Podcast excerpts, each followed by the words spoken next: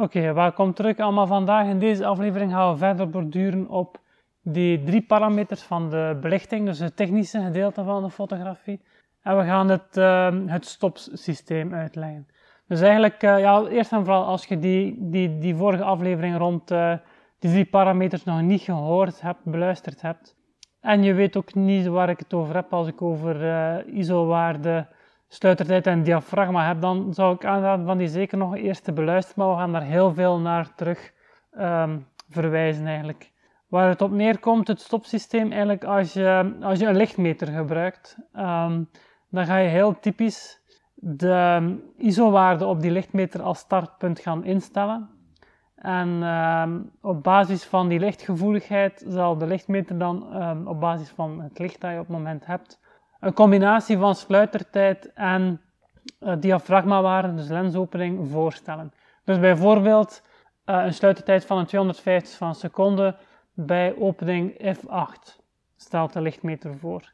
Nu, dan is het belangrijk dat je als fotograaf dat je dat niet gewoon klakloos overneemt en uh, daarmee de foto maakt. Want we hebben in die vorige aflevering uitgelegd dat elk van die instellingen dat dan meer is dan alleen het licht bepaalt. Dat bepaalt namelijk ook uh, bepaalt bewegingsonscherpte, um, diafragma bepaalt uh, scherpte, diepte. Dus dat heeft allemaal ook effect op uw vormgeving, op uw beeldvorming. Dus als fotograaf bijvoorbeeld, als je dan bij F8 um, op dat moment bijvoorbeeld een landschap aan het fotograferen waart, waarbij dat je dus heel veel scherpte diepte wilt, dan zou je kunnen stellen, oké, ik zal F8 zal niet genoeg zijn, ik zal liever F16 gebruiken dan F8. Dan kun je dankzij het stopsysteem um, die F8 omzetten naar F16, wat dat één stop, dus een volledige stop, een verschil van een volledige stop is. Nee, dat is niet waar, dat zijn twee stops, 8 naar 11 naar 16. Maar goed, dat is nu een slecht voorbeeld. Maar, nee, het is een goed voorbeeld, maar ik heb het even uh, ongelukkig verwoord. Dus uh, van uh, F8 naar F11 bijvoorbeeld, dat is één stop, dus ongemakkelijk houden. Als je die ene stop diafragma wil dichtdraaien, dus dan heb je één stop minder dicht door die wijziging in diafragma. Zolang dat je dan een van die twee andere parameters, dus ofwel de sluitertijd ofwel de ISO-waarde, ook één stop in de andere richting corrigeert, dan heb je nog altijd diezelfde belichting die je lichtmeter heeft voorgesteld. Nu, lichtmeters, het is niet zo dat lichtmeters altijd gelijk hebben of zo, maar uh, lichtmeters zijn ook maar dingen die eigen op 60% grijs bij gereflecteerde lichtmetingen en dergelijke meer. Dus daar zal nog wel een afzonderlijke aflevering rond voorzien, rond lichtmeters en type lichtmetingen en dergelijke. Maar we gaan er nu even van uitgaan dat die lichtmeter gelijk had. Uh, dus als we die belichting, die combinatie willen houden, maar toch onze waarden willen aanpassen naar gelang wat voor ons gemakkelijk werkt, wat voor onze beeldvorming interessant is. Dus ik heb nu als voorbeeld aangegeven uh, dat we meer scherpte diepte willen voor landschap. Het kan ook zijn dat je minder scherpte diepte wilt, omdat je een portret maakt met weinig scherpte diepte. Of het kan zijn dat je iets fotografeert dat beweegt, of je wilt net bewegingsonscherpte gaan creëren of, iets in die zin. Dus je kan elk van die, of, of de ISO-waarde, uh, je, bent begonnen met de verkeerde ISO-waarde, besef je plots. Je kan elk van die drie parameters in één richting aanpassen, zolang dat je dan een van de twee andere in de andere richting voor dezelfde hoeveelheid aanpast, bekom je nog altijd dezelfde belichting. En dat is uh, belangrijk uh, voor het, dat is waar het stopsysteem eigenlijk geïntroduceerd is, want die drie parameters die gaan allemaal over iets anders. Het ene gaat over de lichtgevoeligheid van de film, het andere gaat over de snelheid, het is in seconden als eenheid. Dan heb je nog het f-getal, wat de diafragma, de lensopening is. Om die drie toch met elkaar te kunnen gaan vergelijken, is het stopsysteem uh, geïntroduceerd. En een stop is eigenlijk telkens een verdubbeling of een halvering, dus dat is één stop, van de waarde. Dus stel nu dat je, ehm, dus uh, als voorbeeld hadden we van F8 naar F11, dat is de ene stop donkerder. Dus als je dan die, die, die sluitertijd ene stop um, langer maakt, dus dat je toch nog evenveel licht krijgt, dus een andere richting aanpast. Dus van, ik dacht dat we een 250 van seconde dan gezegd, als we daar dan een 125 van seconde van maken, ja, dan hebben we nog altijd dezelfde combinatie. Nu, als je een, um, een fototoestel, als je in, in de zoeker kijkt van een fototoestel met een ingebouwde lichtmeter, dan is het vaak ook zo dat er uh, een indicatie zal zijn in die zoeker van de lichtmeter um, met een 0 in het midden en dan plus 1, plus 2, plus 3 en aan de andere kant min 1, min 2, min 3. En die 1, 2 en 3, dat zijn dan ook stops. Dus plus 1, 2 en 3 is plus 1, plus 2, plus 3 stops. En uh, de min zijn dan uh, onderbelichting. Dus ook in stops. 1, 2, 3 stops onderbelicht. Ook als je een foto bekijkt, dus die lichtmeter vertelt u, oké, als het streepje niet in het midden staat, staat dat bijvoorbeeld op, als het plus 1 staat, wil dat zeggen dat de lichtmeter denkt dat uw foto één stop overbelicht zal zijn met de huidige instellingen. Nu, typisch ga je op die lichtmeter uh, ook nog wel extra streepjes zien. En dat is eigenlijk omdat één stop is een verdubbeling, een halvering van die waarde, dus is vaak, of van, toch van de hoeveelheid licht. Dus is vaak net iets te brusk op zich. Zeker bij analoog uh, en, en als je in RAW fotografeert, kan je met fouten van één, als je er een halve stop naast zit, is dat geen probleem.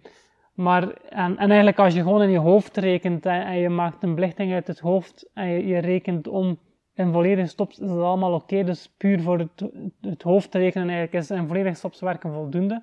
Maar die lichtmeters gaan typisch wel een iets fijnere afstelling voorzien. En dat zijn dan die streepjes daartussenin. Dus dat is, voor het algemeen is dat in een derde stop. Dus dan heb je tussen elk getal nog twee extra streepjes. heb je dus een onder, drie, uh, drie tussenstappen. Uh, soms werken ze ook in halve stops, maar heb ik zelf nog niet zoveel gezien. Het is vaak in, in derde stops. En uh, als we het over, dus we hebben eerder ook die, die verschillende getallenreeksen besproken. Dus als je bij ISO-waarden van stops spreekt, um, bijvoorbeeld ISO 100, ISO 200, ISO 400, ISO 800, ISO 1600, dat is telkens een volledige stop. Als er op je fototoestel tussenliggende waarden liggen, dan zijn dat vaak die 1 derde stops dat je iets fijner kunt gaan afstellen.